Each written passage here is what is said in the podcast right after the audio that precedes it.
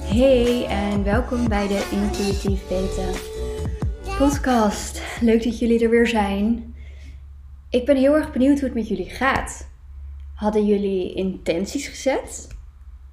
En wat waren die intenties? Hoe gaat het met die intenties? Hebben jullie al gemerkt wat voor effect intenties kunnen hebben? En ik wil het vandaag met jullie over een bepaald onderwerp hebben, ehm, omdat ik zelf heb gemerkt dat dit bij mij ehm, meespeelt in mijn leven, in hoe ik bepaalde, eh, bepaald gedrag laat zien. En dat is hoe ga je nou om met je innerlijke kind? Mijn innerlijke kind heel erg naar boven komt. En bij mij is dat op momenten van frustratie, ehm, geen vertrouwen in mezelf, dat soort dingen. En dat kind gaat dan eigenlijk ehm, roepen wat het heeft geleerd voordat ze zeven jaar was, meestal. Kan ook wat later, maar ik heb het gevoel dat het bij mij um, voor die leeftijd kwam. Ook een beetje het stukje van dat uh, wanneer jij jonger dan zeven bent, dat al die jaren jij alles in je onderbewuste opslokt als een soort van spons. Dus dingen die je om je heen ziet, wat je ouders doen, wat je ouders zeggen, wat juffen en meesters zeggen, wat je misschien wel in de media ziet, dat neem je in je op. En dat zie jij als waarheid. En dat kan je meedragen tot in je volwassen leven. Totdat je er bewust van raakt en besluit om dat te helen. Om die overtuigingen die erin zijn geslopen, om daarmee in de gang te gaan. Waar ik het vandaag specifiek over wil hebben, is als jij merkt, en ik denk dat het heel leuk is voor jezelf om daar eens bewust mee om te gaan. Hè? Als je last hebt van uh, eetbuien, overeten, ander impulsief gedrag. Um, impulsief gedrag uh, komt vaker hè, uit ons innerlijke kind, omdat kinderen zijn ook impulsief en het zijn ook vaak. Het is ook vaak gedrag wat komt vanuit een bepaalde emotie en dat het allemaal even niet meer uitmaakt. Nou ja, dat zie je bij kinderen ook. En dat je eens gaat observeren op het moment dat je inderdaad een craving hebt. En je wilt eigenlijk stoppen met overeten, omdat je beter voor je lichaam wil zorgen, of je wilt je emoties beter leren reguleren, of nou, wat dan ook voor jou de reden is dat je ermee wil stoppen. Ga eens observeren wat er in jouw hoofd gebeurt. En dit kan best wel een game changer zijn. Dat wanneer jij bewust bent van wat er op dat moment gebeurt, en als dat inderdaad jouw innerlijke kind is, wat je dus kan herkennen aan die impulsiviteit en die emotie die eraan vasthangt. En dat gedeelte is dat in plaats van dat je meegaat in wat jouw innerlijke kind eigenlijk tegen jou zegt op dat moment. Van, oh ga eten, het maakt niet uit. Of het is de laatste keer. Of doe nou, je voelt je er beter door. Of dit doe je altijd. Wat doe je me aan? dat soort dingen ook als het gaat om roken, alcohol, dat soort dingen. Gewoon dingen die je vanuit impuls doet, waarvan je er later geen goed gevoel meer bij hebt. Ga eens stilstaan. Stop eens op dat moment. Stop eens. Haal jezelf uit de situatie. Niet letterlijk, figuurlijk. Haal je, ga even van een afstandje kijken wat er nou in jouw hoofd gebeurt. En neem dit mee dat op het moment dat je inderdaad doorhebt dat het jouw innerlijke kind zou kunnen zijn, en dat kan heel veel verschillende reden redenen hebben. En ik denk dat het heel erg mooi is om dat voor jezelf ook op te zoeken, uh, uit te zoeken. Misschien heeft het te maken met um, bepaalde relaties die je had als kind. Um, bepaalde instabiliteit die je had als kind. Misschien, um, misschien is het iets heel anders. Maar ehm, dat hoef je niet te weten voordat je hiermee aan de slag, slag gaat. Hè, waar ik het vaker over heb, um, triggers kun je niet voorkomen. Bepaalde gedachten kun je niet voorkomen. Wat je wel kunt voorkomen of wat je wel kunt ontwikkelen, is hoe je omgaat met die triggers en die gedachten. Daar zit je kracht. Dus op het moment dat jij doorhebt, oké, dit is mijn innerlijke kind. Ga het dan maar bekijken alsof jouw innerlijke kind een daadwerkelijk kind is. Ga er maar tegen praten alsof het een daadwerkelijk kind is. Zou je tegen een kind zeggen dat het idioot is en dat het weer heeft gefaald en dat al die neg- negativiteit, zou je dat tegen een kind zeggen? Ik hoop echt dat je antwoord nee is. Neem dat kind maar op schoot. Ga er maar tegen praten. Wat is het wat je echt nodig hebt? Wat is er nu aan de hand? Waar ben je naar op zoek? Wat kan ik voor je doen?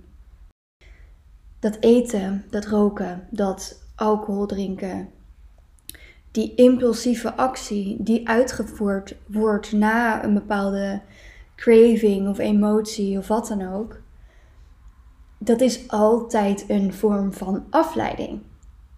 En ik heb het hier vaker over. Er zijn natuurlijk een heleboel redenen waarom je last kan hebben van bepaald verslavingsgedrag. Nu niet zeggend dat eten een verslaving kan zijn, maar ehm, de gewoonte kan dat wel zijn. Of in ieder geval, het kan op die manier worden geïnterpreteerd. Het is altijd een afleiding, want je voelt je er even beter door. Andere redenen bijvoorbeeld kunnen komen van psychologisch, fysiologisch aspect. Daar heb ik andere podcasts over.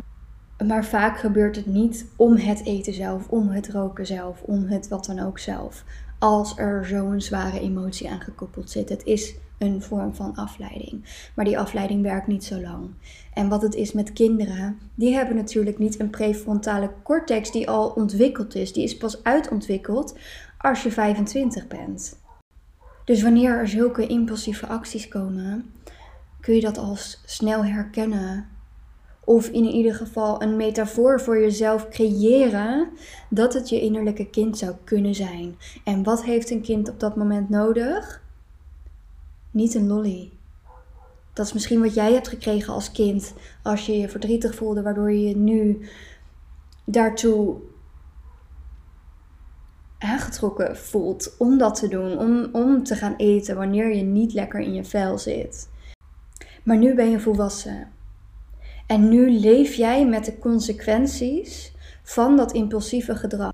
En nu heb jij wel een, hè, de, de breincapaciteit, maar ook de, je brein is dusdanig ontwikkeld dat jij wel bepaalde rationele keuzes kan maken. Ondanks dat het voelt alsof het niet zo is. Zeker als je innerlijke kind komt kijken. Maar die keuze heb jij wel. En jij mag dan jezelf gaan zien als de ouder van dat kind. En je kind die mag emoties hebben. Dus als je bepaalde gevoelens hebt, ga dat niet bagatelliseren, maar laat het er maar zijn. Als er bepaalde gedachten komen, laat die er maar zijn. Probeer ze niet te rationaliseren, dat heeft geen zin. Ga niet met jezelf in discussie, ga niet met je kind in discussie. Laat het er maar zijn. Maar jij als ouder mag nog altijd de controle hebben over je kind. En dan in de zin van over jezelf.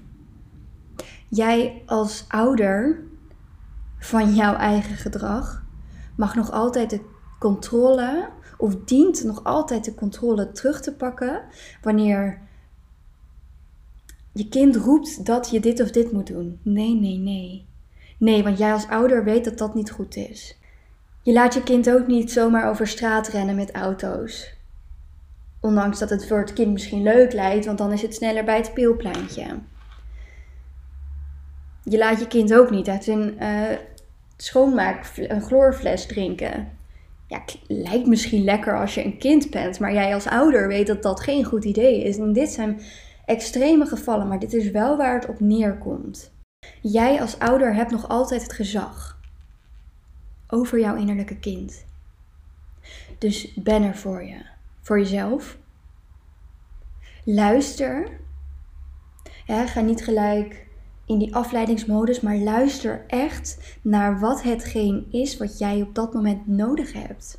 Dat is niet scrollen op Instagram, dat is niet Netflixen, dat is niet eten, dat is niet roken, dat is niet drinken, dat is niet weet ik veel wat. Maar dat is het allemaal niet. Want dit zijn allemaal dingen waar je aan het eind van de dag, hè, naderhand, niet meer lekker bij voelt.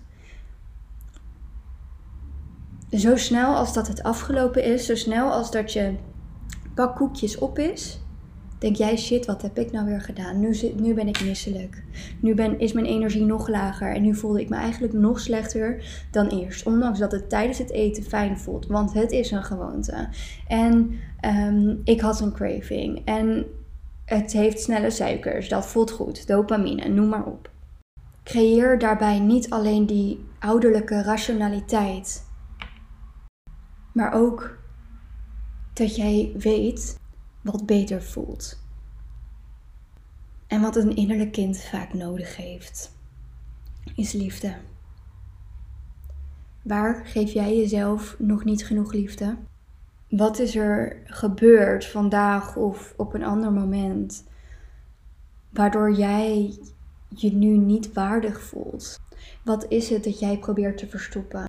Laat het kind maar huilen. Je mag huilen. Of boos zijn of gefrustreerd zijn. Troost jezelf met liefde. Ga schrijven, mediteren. Doe hetgeen wat nodig is dat jou zowel laat voelen wat er te voelen valt, als dat dit jou een troost kan bieden zonder dat je lichaam daar achteraf last van heeft. Want met eten voel je niet. Je voelt je misselijk daarna. En dat heeft natuurlijk ook weer zo een bepaalde aantrekkelijkheid. Hè? op het moment dat je misselijk bent in je buik, voel je het mentaal misschien minder. Dus het is allemaal heel logisch en je mag er allemaal compassie voor hebben als het niet lukt. Je mag überhaupt voor jezelf compassie hebben, ieder moment van de dag. Maar stop wel met het saboteren van jezelf. Stop wel met het pijnigen van jezelf. Show up for yourself. Op welke manier dan ook nodig is. Streng zijn is lief zijn. Je bent ook streng als je, als je kind recht over de straat wil rennen met allemaal auto's. Dan ben je ook streng. Kom eens even terug. Zeg dat maar tegen jezelf wanneer je naar de kast loopt. Met de intentie van ik wil mezelf afleiden van bepaalde emoties die ik heb. Kom eens even terug. En neem dat mee. Dankjewel voor het luisteren. Ik hoop dat je er wat aan hebt gehad. Ik zou het super erg waarderen als jij mijn podcast zou uh, willen um, beoordelen op Apple Podcast. Dan help je me groeien en dat uh, vind ik super fijn. Dat helpt me enorm. En uh, ja, dan kan ik de message, message spreaden. Tot de volgende keer jongens. Dankjewel.